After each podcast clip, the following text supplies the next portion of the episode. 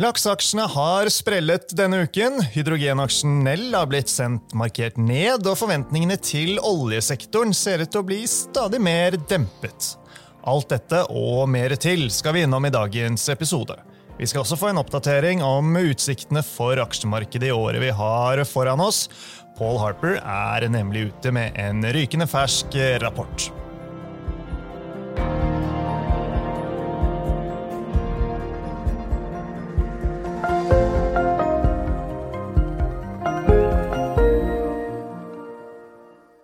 Velkommen til eh, Utbytte, DNB-podkasten der vi forklarer hva som skjer i den globale økonomien og finansmarkedene. Jeg er Marius Brun Haugen, og med meg har jeg aksjestrateg Paul eh, Harper. Endelig er vi back in business, Paul. Ja, det er jammen godt. Jeg har jo vært eh, på jobb nå noen uker, men savnet det med disse ukentlige podkast, så nå, nå blir det fast fremover. Ja, Det er eh, bra. Det er fredag 19. januar. Klokken har passert eh, halv tre når vi sitter her og spiller inn episoden. Det går mot en eh, forsiktig negativ uke for norske aksjer på indeksnivå, selv om det lyser grønt i dag. Men the jury is still out, som vi sier på godt norsk, så vi får se hva impulsene fra USA-børsene vil bringe de siste timene av børsdagen. Men uansett Status er at eh, de fleste aksjemarkedene i de fleste geografiene er ned hittil i år, eh, Pål. Vi har Japan da, som et eh, hederlig unntak, som fortsetter der fjoråret slapp, mot uh, nye høyder, nær sagt. Og så har vi Shanghai-indeksen i Kina, som nådde sitt laveste nivå siden 2020 denne uken. Da. Så bevegelsene går uh, både opp og ned uh, som vanlig, men året startet litt på minussiden. Ja, det har jo vært en litt sånn reversering. Jeg tror mye mye av dette her er jo egentlig det at eh, det ble litt vel voldsomt på slutten av eh, fjoråret. Sentiment gikk fra å være veldig negativt til plutselig ekstremt eh, positivt. Den ukentlige sentimentindikatoren som vi tracker, ga et sånn taktisk salgssignal uken før jul. Så jeg tror vi er egentlig i en litt sånn normaliseringsfase nå. og Sentimentet må bli litt mer balansert, tror jeg. og det, Jeg tror vi liksom ser på dette her hovedsakelig som litt sånn reversering av en litt overdrevet entusiasme på slutten av året. Ja, og Sist gang du og jeg satt satt her i eh, studio i Meglerhallen i Bjørvika og spilte inn podkast eh, sammen. Det var eh, rett før jul. Da dreide det seg om utsiktene for 2024. Og mens jeg har vært i Las Vegas nå i starten av januar, møtt roboter og kjørt selvkjørende biler og laget podkast, som jeg håper dere lyttere har fått med dere, så har du, Pål, bl.a. sendt ut Utsikter 2024-rapporten din. Så får jeg spørre deg, da. Hva er hovedkonklusjonen? Jeg håper ikke den er så veldig forskjellig fra det vi eh, sa her rett før, eh, rett før jul. Nei, så Det er stort sett eh, de samme jeg, hovedpoengene her. så Hvis man skal bare ta litt sånn type stikkord, så tror vi makro egentlig går relativt greit. Så vi tror det blir en, en myk landing. En utfordring for aksjemarkedet er at vi tror ikke det innebærer at estimatene blir justert opp. Vi tror faktisk det blir enda et år med nedjustering i, i estimater. Og Utfordringen er også da at når makro går relativt bra, så tror vi kanskje rentene kommer ikke til å falle like mye som mange forventer. Så det kan egentlig bli ganske likt de siste to årene, hvor det har vært eh, da bra vekst i økonomien, men estimatene faller, rentene stiger, og nettoen blir litt sånn så som så, eh, egentlig. Så eh, vi syns egentlig du får bedre betalt i high yield fremdeles. Der kan du få sånn ja, 8-10% avkastning sånn cirka. Det er ikke veldig langt unna historisk snittavkastning på aksjer, men vi tror ikke det er eh, så lett å egentlig få noe bedre enn gjennomsnittet på, eh, på aksjer. Så da blir det litt sånn undervektet relativt til eh, rentealternativer. Ja, så det er ikke det at det blir et uh, dårlig år uh, for aksjer, det er bare det at uh, renter ser ut som et bedre alternativ, og da særlig risikojustert? Ja, det er nettopp det. Så når vi snakker om overvekt undervekt, så er det som relativt til alternativer, ikke en absolutt opp, opp eller ned det er snakk om med den anbefalingen. Og si, Greit å også påpeke at high yield har gjort det bedre enn aksjer både i 2022 og 2023, så det er egentlig en slags fortsettelse av det den eh, utviklingen. Så si, Aksjer har jo egentlig vært si, relativt slappe når du tenker at du har hatt nominal BNP-vekst. og liksom BNP pluss inflasjon har jo vært ekstremt sterkt de siste par årene. Så eh, hvis du, si, alternativ måte, hvis du ser på aksjer i real terms, da, justert for eh, inflasjon, så har du egentlig hatt det to ganske dårlige år på, i aksjemarkedet. Mm. Ja, Så sier du at øh, forventer at øh, estimatene skal øh, ned. altså Kan du ikke bare minne oss på hva er konsensusforventningene til analytikerne om inntjeningen til uh, selskapene nå? Ja, så Analytikerne forventer at det skal bli ganske bra vekst i, i inntjening, så at du skal få bedre bunnlinjevekst enn topplinjevekst. og Det er egentlig det punktet hvor vi er noe uenige. Det at Vi syns det er ikke så sannsynlig at du skal få noe marginekspansjon, for marginer er allerede et godt stykke høyere enn historisk snitt. Så det går egentlig på dette her med at når du ser på inntjening over tid, så er det en sånn ganske tydelig trend. Enkelte perioder så er det bedre enn trend, andre perioder litt dårligere. Men nå har vi vært over trend en god stund, og vi er i en sånn mean reversion-fase. Så det var egentlig det samme problemet i fjor, at til tross for mye bedre makrovekst enn ventet, så ble estimatene allikevel kuttet fordi at forventningene i starten av året var bare altfor optimistisk. Så en litt sånn pussig blanding, da, hvor makroøkonomene var for pessimistisk på utviklingen, mm. men selskapsanalytikerne var altfor optimistiske. Ja. I forhold til uh, makroen, uh, myk landing, det virker å være konsensus, eller hva? Ja, jeg tror det, og det, det virker som markedet er sånn noenlunde enig med, med, det også, når vi ser på kredittspreddene. Det er en av de få tingene som leder aksjemarkedet. Og de er sånn noenlunde enig i den påstanden, uh, syns jeg. Ikke noe sånn synlig divergens mellom aksjer og kredittspredder, som ofte er tilfellet hvis det er problemer på veien. Men av uh, alternativscenarioene til uh, myk landing, hva ser du som størst sannsynlighet for? En uh, hard landing eller ingen landing? Altså det motsatte. Jeg tror På kort sikt så tror vi kanskje det er mer sannsynlig at dette går si, hakket bedre enn ventet, heller enn dårligere. Når det er sagt, så kan jeg si at venter du lenge nok, så blir det en hard landing til slutt. Så det er egentlig spørsmål om tid.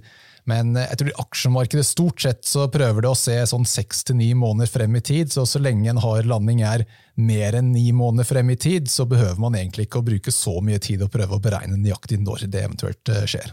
Mm, okay. Men poenget ditt det er vel at uh, uansett så er ingen av disse to alternativscenarioene så veldig godt nytt for aksjer? Nei, Det er dette her med at går det bra i, uh, bedre enn ventet i økonomien, da blir det vanskelig for sentralbanken å kutte rentene like mye som forventet. For markedet priser allerede inn ganske aggressiv eh, runde med rentekutt. Så går det for bra, så har det et problem med at renter eh, da ikke faller like mye som antatt. Går det dårlig, så er det inntjening som er problemet. Men det er veldig vanskelig å få denne balansen hvor du får liksom inntjening opp og renter ned. Det blir at du treffer på den ene eller den andre, men ikke så lett å treffe på begge to. Nei, for det er jo ikke helt intuitivt, syns jeg, da, dette her at en uh, myk landing for eh, økonomien skal være bedre for aksjemarkedet enn uh, ingen landing. Nei, det er det at Renter er som en veldig viktig del av avkastningen for aksjer. og Renter da gjerne styrer hva slags multiple du eh, priser aksjer på. Så snakker om si, P-multiple, f.eks. Altså hvor mange, si, hvis du har inntjening på ti kroner, hvor mange ganger den inntjeningen er du villig til å betale eh, for eh, aksjen? og Det har da den sammenhengen med at jo høyere renter er, som regel jo mindre eller lavere multiple er du villig til å betale for den eh, kronen eller ti kroner med, med, inntjening. For da har du en alternativ eh, investering i banken, da, så får du 5% renter i banken. Da er du ikke villig til å betale like mye for eh, en aksje som hvis du får 1% i banken, f.eks. Ja. Hvis vi eh, ser på eh, makrotallene vi har fått uh, f.eks. denne uken, det er jo særlig USA vi bruker en del tid på som markedet er opptatt. Det kom f.eks. detaljhandelstall denne uken. Det er ikke så mye resesjon eller frykt å spore, spore, her? Nei, det ser jo egentlig forholdsvis bra ut. Det er mulig det kan være noen sånne sesongjusteringseffekter som gjør at det desembertallet kanskje er litt bedre enn det, underliggende, men uansett så har det ikke vært noe særlig tegn til eh, svekkelse i økonomien. Vi har ikke også veldig lave jobless claims eh, denne uken, f.eks. Så stort sett så har makro vært eh, relativt bra. Når det gjelder eh, rentebevegelser og ikke minst eh, renteforventninger, så er jo dette noe vi har snakket eh, mye om og helt sikkert kommer til å snakke masse mer om fremover. Vi er vel fortsatt der på hvor alle lurer på hvor raskt vil sentralbankene redusere innstramningsmodusen? Ja, Det er nok det store spørsmålet for i år, i hvert fall hvis man ser litt bort fra politikkspørsmål. Så Det som eh, jeg syns er kanskje største utfordring, er at eh, markedet da har priset inn rundt seks rentekutt i løpet av eh, året. Det var helt opp i syv for ikke så veldig lenge siden. Nå er det kanskje mer fem og en halv, og disse sannsynlighetene endres egentlig hele tiden. Men det er jo relativt store kutt det er snakk om i løpet av en forholdsvis kort tid. Så spesielt da med tanke på at første rentekutt er forventet i mars, men oddsen for det har gått fra nesten 100% nå til mer sånn 50-50 nærmest. Men um, for at du skal klare å få til syv kutt, da må du egentlig kutte i samtlige møter eh, resten av året. Så um, Fed har vel selv indikert at de skal kutte tre ganger. Så det er ganske stor forskjell på hva markedet forventer, og det Fed selv har indikert. Ja, Ellers, uh, tiårsrenten den, den, har jo tikket litt uh, oppover. Uh, du sa vel her på en sånn morgenkål vi hadde at uh, 4 det er heller å se på som et støttenivå, ikke et motstandsnivå. Ja, det er jo den teorien vi jobber ut ifra, i hvert fall. At når du ser på tiårsrenten, så priser jo det allerede inn disse forskjellige rentekuttene. Så eh, det er en viktig ting å være klar over at eh, det er forskjell på lange renter og korte renter. Så sentralbankrenten det er en kort eh, rente. Så når de kutter rentene, så pusher det egentlig bare tiårsrenten opp eller ned, til den grad de kutter mer eller mindre enn forventet. Så du har allerede da en slags rentebane som er implisitt i tiårsrenten. Så problemet vi har nå, da, at eh, hvis vi ser på hva som er priset inn, da, om det er sånn ca. seks kutt eh, i år, og så er det ytterligere to-tre kutt eh, året etter der igjen, hvis det viser seg at Fed kutter fem ganger da istedenfor eh, seks, da skal tiårsrenten antageligvis litt opp herfra, for det er da færre enn de eh, fem og en halv seks kuttene som, eh, som, ligger i forventningene. Så Det at sentralbanken kutter, betyr ikke nødvendigvis at den lange renten faller. Og Den lange renten er det, i hvert fall ifølge læreboken, er det som skal være viktig for aksjer. For Når du skal liksom prøve å prise aksjer, da, så, så, aksjer er jo en såkalt long duration asset. Da. Det, dette er snakk om cashflow over eh, si, mange år frem i tid. Det er ikke bare, si, Et selskap eh, varer ikke bare ett et år. Så Du har da lange kontantstrømmer, så da må du sammenligne det med lange renter. Og Hvis de lange rentene da ikke beveger seg eh, så voldsomt, da skal du heller ikke endre den type diskonteringsfaktoren på, på cashflow. Så det er veldig viktig å egentlig heller enn å tenke skal sentralbanken sette renten opp eller ned, så er det skal de sette renten opp eller ned mer enn det som er prist inn allerede. Um, og Det er liksom den viktige faktoren uh, å få med seg. Mm. Men, men om, om, Fed begynner å kutte i mai, eller om det ikke skjer, skjer, i mars, og det ikke skjer i mai, men la oss si det skjer i juni, vil det ha veldig mye å si for uh, markedet, sånn strengt tatt? Hvis man ser på det på litt lengre sikt. Det er vanskelig å si helt bombastisk. Ja, sånn På lengre sikt så er det kanskje ikke det som er make or break, men den oppgangen vi så i uh, november og, og desember, var jo nettopp drevet av at markedet begynte å da prise inn vesentlig flere rentekutt. Så, så, det er det at eh, da får man eventuelt reversere Hvis man reverserer de rentekuttforventningene, så må det egentlig da også forvente at eh, oppgangen vi så på slutten av fjoråret, også blir reversert. Så den, den oppgangen vi så der, som illustrerer hvor stor effekt eventuelt renteendringer har. For det er det at eh, Endrer du renten litt, og du da slår det opp og ned på P-multiplen, så vanligvis når du tenker at det er liksom renter og inntjening som er de to viktigste faktorene for aksjekursendringer, det skal mye til at eh, estimatendringene justeres mer enn noen få prosent på indeksnivå, men at eh, P-multippelen går opp eller ned eh, en del, det skjer jo hele tiden. Så du får ofte liksom større prosentvis endringer i aksjekurser på rentebevegelser på kort sikt enn du gjør på inntjeningsendringer. Så det er veldig viktig å følge med på renter. Mm. Ellers, eh, når vi er inne på makroen eh, Kina, er det noe nytt eh, der i forhold til om hva skal vi si, de blir et anker, eller om de kan være med å få litt fart på, på økonomien framover? Ja, Kina generelt er jo egentlig en økonomi som sliter litt om dagen. Så om noe så tror jeg det er en faktor som kanskje trekker litt ned på inflasjonsforventningene. Så utvikling i økonomien der er relativt slapp, og de har faktisk deflasjon der akkurat nå. Og til den grad mye av sånne konsumvarer og så videre blir jo produsert i Kina og eksportert til Europa og USA, så er det noe som bidrar heller på nedsiden når det gjelder inflasjon. Så kan jeg også si at uh, Skal man frakte disse varene fra, fra Kina til uh, Vesten, så uh, går jo veldig mye av det på containerskip. og Nå har jo containerratene skutt i været, så det er jo enkelte nå som kanskje begynner å bli litt bekymret for at akkurat det kommer til å begynne å trekke inflasjon opp igjen. Men Kina alene i hvert fall vil jeg si noe som trekker inflasjonsforventningene ned heller enn opp akkurat nå. Mm. Ja, Det er ikke bare du som har sendt ut uh, rapporter mens uh, jeg og podkasten har vært uh, på reise. Vi har også tatt ned forventningene til oljeprisen her på huset. Nå venter vi en oljepris i snitt på 82 dollar fatet i 2024, ned fra 90. Og 85 dollar fatet i 2025, også det ned fra 90. I tillegg så ser det også litt mer sånn usikker ut i forhold til gassetterspørselen, som igjen vil kunne ha negativ påvirkning på eh, europeiske gasspriser eh, lenger ned i veien. Så i hvert fall sum av summarum så har jo eh, oljeanalytikeren vår Steffen Evjen sendt ut flere oppdateringer den siste tiden. Bl.a. tatt Equinor fra kjøp ned til hold. Aker BP og Vår Energi, der gjentar han kjøp. Eh, når det gjelder Okea, som har eh, sine utfordringer de har flagget den siste tiden, så er den blitt tatt ned fra kjøp til hold og kursmål 28 kroner. Og så får jeg ta med at det også har startet dekning av Blue Nord, som er tidligere er kjent som Noreco på Oslo Børs. Tikkeren her er Benor.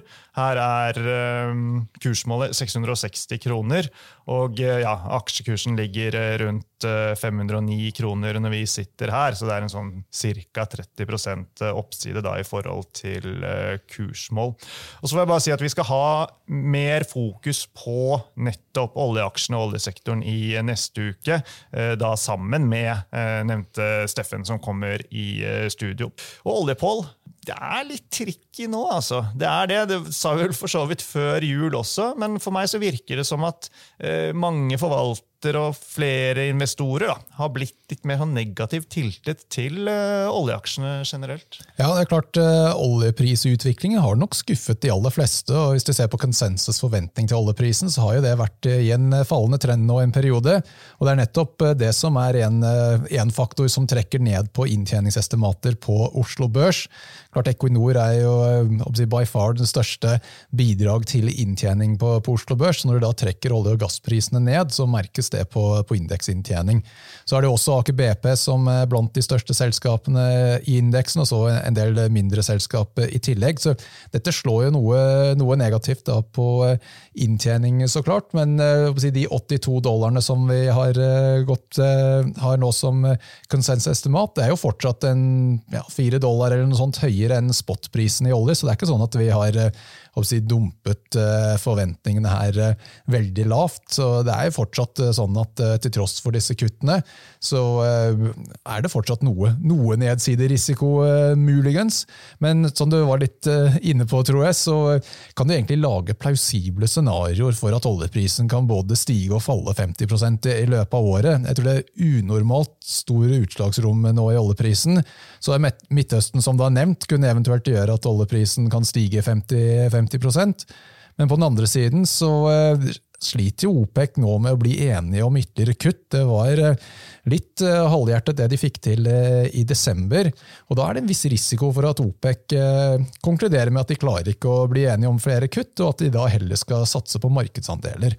Og Det er jo nettopp det som skjedde i, 2014. Da eh, endte de strategi, og oljeprisen da fikk seg en, en ordentlig eh, knekk. Jeg tror bundet ut litt i underkant av 30 dollar til slutt eh, i den omgangen i 2015. Så det er, det er ikke liksom å strekke det sånn ut i det usannsynlige og si at det er veldig store både bull og bear-scenarioer her, kan slå voldsomt eh, mye. og Det har jo da selvfølgelig veldig mye å si på inntjening på Oslo Børs, ettersom hvilken vei det går. Men det er interessant, fordi min sånn, opprinnelige tanke ville være at er ikke sannsynligheten større for at vi får en event som på en eller annen måte sender oljeprisen over 100, eh, heller enn at OPEC bestemmer seg for å åpne kranene og flomme markedet med olje og bare la prisen leve sitt eget liv? Ja, det, jeg syns det er vanskelig å egentlig si hvilke av de to eh, er mer sannsynlig. Det er 50-50, liksom? Ja, det, er nok eh, folk som kan oljemarkedet bedre enn meg, som kan kanskje gi en litt mer nyansert svar på dette. her, Men å, påstå at du kan være stort mer enn 55-45 eh, den ene veien enn den andre, syns jeg er litt eh, vanskelig. For dette er jo faktorer som er egentlig umulig for oss på utsiden å vite helt hvor Klaus Opek var med å ikke bli enig i forrige møte. Mm, mm. Og eventuelt hva som skjer i Midtøsten, er det jo heller ingen som har noe fasitsvar der. Så Nei, da, men det er jo tilbake til poenget ditt. Dette liksom bare illustrerer eh, hvor stort utfallsrommet er. Altså, det er jo veldig binært. Da, det, er, det, er, nettopp det, og det er binært eh, å bli drevet av faktorer som ikke er egentlig mulig å analysere seg frem til eh, noe fasitsvar. Så uansett hvor mange timer du skulle bruke å lese deg opp, og alt dette her, så blir det egentlig en forholdsvis stor flakskomponent i bildet. Så jeg syns akkurat nå så er det bedre å egentlig være sånn relativt nøytral vektet i energisektoren. For tar du noe stort betten i ene eller andre veien. Kan godt hende det, analysen er i stor grad riktig, men får du den uflaksen, så kan du plutselig komme veldig skeivt ut. Ja, ok. Vi lar den uh, ligge. Kommer som sagt tilbake mer inngående på en del av disse oljecasene. Uh, forhåpentligvis da i neste uke. Laks det er vi nødt til å snakke om, Pål, for flere av aksjene har sprellet på børsen denne uken. Ikke minst Movi, etter at de kom ut med trading-oppdateringen sin eh, midt i uka. Ja, nei, Det var en eh, positiv eh, overraskelse. og må kanskje si at Sjømat er kanskje den sektoren som har dårligst track record når det gjelder å rapportere tall. Det er oftere at sjømatselskapet skuffer enn at de gjør det bedre enn ventet. Og da får du litt ekstra store utslag eh, de gangene som de faktisk klarer å overraske positivt. Så det slo positivt ut eh, på eh, Movi, og det er som smittet litt over til resten av sektoren også, tror jeg.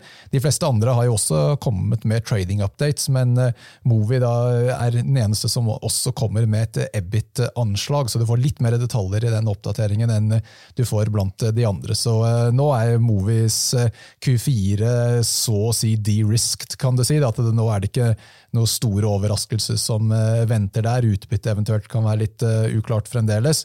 Mens uh, for de andre selskapene så, så, vet vi egentlig stort sett volum, og har vært kanskje noe hint om litt andre tall også, men stort sett så er det mer overraskelsespotensial i de andre selskapene enn det er i Movi nå. Ja, første kvartal er vel historisk en OK periode for lakseselskapene, er det ikke det? Ja, det er jo så enkelt som at uh, første kvartal er gjerne den perioden hvor lakseprisene er på topp uh, gjennom uh, året. Og Aksjemarkedet har jo en tendens til å følge disse spotprisene sånn noenlunde, så stort sett så er det riktig å være overvektet i sjømat i, i Q1, og det er nettopp det vi har gjort i ukesporteføljen også, da, med at vi har To sjømatselskap eh, der, vi har Movi og Lerøy. Indeksvekten for sjømat er eh, sånn i underkant av 10 så da blir to av ti aksjer en, en solid overvekt i sjømat. Ja, og Prisingen av uh, lakseaksjene, virker det ok attraktivt for deg sånn det ser ut uh, nå? Ja, jeg syns egentlig det. Men vi kan si at SalMar har gått veldig bra nå det siste året, så den er kanskje ikke sånn åpenbart billig. Bakkafrost kanskje litt i samme leiren der i forhold til P-multipler, men Movi, Lerøy og, og Grieg Seafood syns jeg handler på ganske moderate multipler. Men når det er sagt, uh, både Grieg og, og Lerøy Seafood har en veldig dårlig track record på å levere på tall, så der har de hatt store nedjusteringer i estimatene over tid. Så hvis de handler på ti ganger PE f.eks., så er jo det delvis fordi at markedet stoler rett og slett ikke helt på konsensus. Så de er redd for at den én i realiteten er kanskje 10-20 lavere lavere. Så selv om det er tigangeren som er tallet, eller eventuelt litt i underkant for Grieg, så, så, er det sånn at kanskje implisitt så er det kanskje priset mer sånn 11-12-gangeren, litt ettersom hvor mye Hekat du gir på konsensustallene. Ja. Eller så kan vi jo bare minne om at ved starten av året så sendte vi ut en episode med utsikter for 2024 for Eh, Bl.a. Eh, sjømatsektoren, der vi snakket med eh, sjømatanalytikeren vår, Alexander Aukner. Og en av de tingene som han tror blir et veldig relevant tema å følge med på i året, er jo nettopp fiskehelse, da, som har kommet etter signaler fra myndighetene. Nå er det for så vidt alltid aktuelt, men, men kan bli ekstra relevant i tiden framover. Fra sjømat til Norsk Hydro. Her har analytikerne vår på case vært uh, ute med en uh, forhåndsomtale denne uken.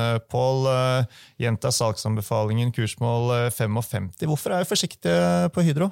Ja, her er det egentlig et par forskjellige faktorer som er inne i bildet. Den ene er at Kina er det du må følge mest på når det gjelder aluminium. For det er rundt 50% av, 58% av etterspørsel, og ja, litt over halvparten av produksjonen også. Så det er der, der liksom det um, prisutviklingen blir styrt. og Det ser vi da ganske tydelig med en sammenheng mellom kullpriser og aluminium.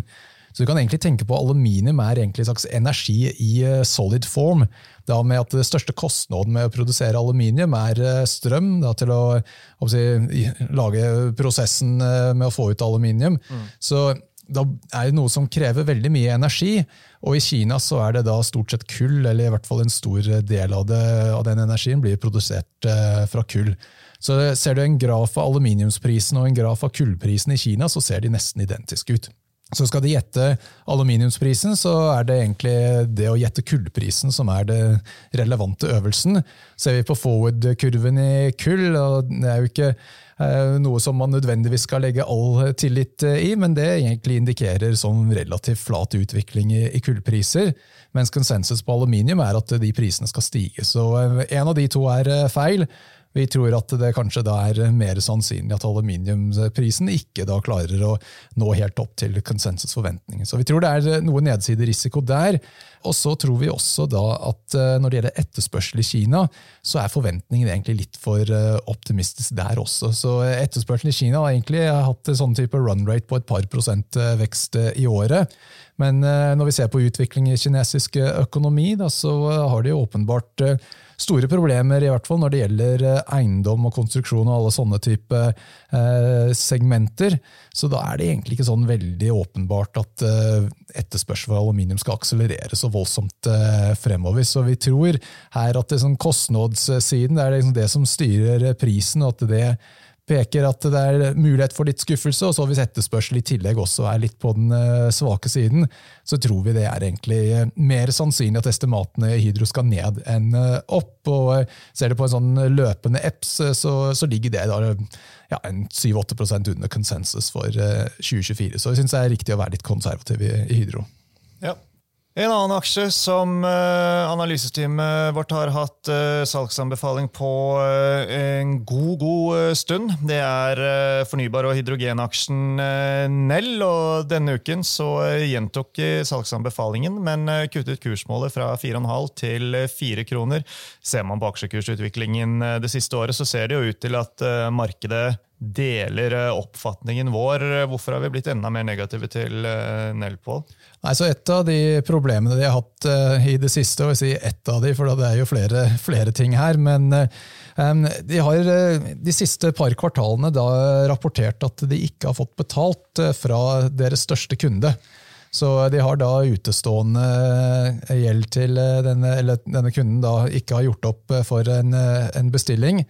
Og, og, dette da er den største kunden som, eh, som, de har, som står for en vesentlig del av, eh, av omsetningen. Mm. De har ikke villet si hvem denne kunden er, men med litt sånn detektivarbeid så har analytikerne hos oss da klart å komme frem til at de tror det er en sånn startup eh, kunstgjødselprodusent, og at eh, de er noenlunde, eller ganske tvilende til at de egentlig er i stand til å gjøre opp for akkurat dette. her. Virker som det er ganske sånn early stage det er snakk om for dette selskapet. Så det blir veldig spennende å og se om det eventuelt kommer noe penger inn nå i fjerde kvartalsrapporten. Og risikoen er her at på et eller annet tidspunkt så må de kanskje innrømme at her får de ikke betalt, og da må eventuelt reversere den, de inntektene som de skal ha tenkt å bokføre på, på den. Så vi tror liksom det er liksom illustrerer litt av, av problemet her, Menel, med at den utviklingen har ikke gått like fort som, som vi har trodd. og så I tillegg så har de ikke da fått betalt for noen av de største ordrene de har fått eh, i ordreboken. og Da blir det jo til at eh, kutter estimatene hver gang vi oppdaterer tall for dette selskapet. Så vi har liksom dyttet nå enda et år ut for eh, EBITDA, break-even osv. Det tar liksom bare for lang tid før dette her klarer å komme i noe sånn type steady state positive cashflow. Så dette tror jeg er et selskap som kommer til å slite en stund til. Ja, tidligere i dag, uh, fredag 19. januar, så så vi at Nell uh, annonserte en kontrakt det var vel en verdi av 5 millioner euro, så ikke veldig stor størrelse. men tidligere så har vi jo sett at ved slike annonseringer så har aksjekursen kunnet gå relativt betydelig i forhold til annonseringen og ja, verdien av kontrakten som har blitt annonsert. Men i dag så har aksjen gått videre ned, så får vi som sagt se hvordan det ender, men den var ned eh, noen prosent i dag også, sist jeg så på. Ja, jeg tror dette er et eh, case som vi ville bare holde oss eh, unna, rett og slett. Jeg tror de ikke klarer å levere på forventningene, og dette tror jeg blir dessverre et case hvor det blir flere skuffelser fremover også. Ok, Vi nærmer oss slutten på dagens eh, episode. Pål eh, får ta med at eh, neste uke skjer det mye spennende da også. Det kommer nye makroprognoser fra Kjersti Haugland og resten av makroteamet vårt, så det blir spennende. Det skal vi lage oppdateringer på. Det er rentebeslutning i Norges Bank, og vi får disse PCE-inflasjonstallene fra USA. Vi har flere selskaper som skal rapportere. Et av de er Tesla på onsdagen. Gjensidige kommer også. Pareto Bank og Skatek er et par andre norske vi kan trekke fram, Pål. Så det begynner å skje litt i forbindelse med rapporteringssesongen, men det er enda en ja, uke til det virkelig braker løs for alvor her hjemme, i hvert fall. Ja, det er alltid spennende når det er eh, rapporteringssesong. Og Q4 er ofte kanskje litt mer spennende enn eh, andre kvartaler, for det er ofte Q4 hvor selskapene da kommer med guiding for neste året. Ja, vi får se året. om de er villige til å guide litt nå, da. Ja, så det er gjerne første gang de sier noe sånn helt konkret om uh, året som kommer. og Ofte så blir jo det da litt mer forsiktig enn det analytikerne kanskje håper. Så det er som regel litt nedjustering i estimater som kommer etter Q4-rapporteringssesongen. Så som du sier, det blir veldig spennende å se både hvor fremoverlente selskapene tør å være, og til hvilken grad de egentlig tør å spå noe som helst akkurat nå. Yes, Vi går inn i en uh, definitivt uh, interessant uh, periode. Vi skal følge med og komme tilbake med løpende oppdateringer, vi. Men nå er det på tide å runde av, så med det så gjenstår det bare å si tusen takk til deg, Pål, for at du var med. Og sist, men ikke minst, tusen takk, folkens, til alle dere som hørte på.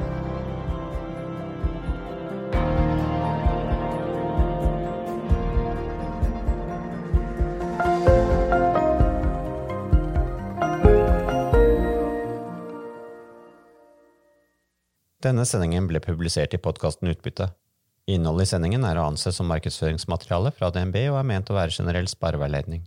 Sendingen skal ikke oppfattes som et tilbud om å kjøpe eller selge finansielle instrumenter, eller som investeringsrådgivning tilpasset den enkelte investors situasjon. En investor som har behov for råd eller har spørsmål og informasjon som gis, bør kontakte en finansrådgiver.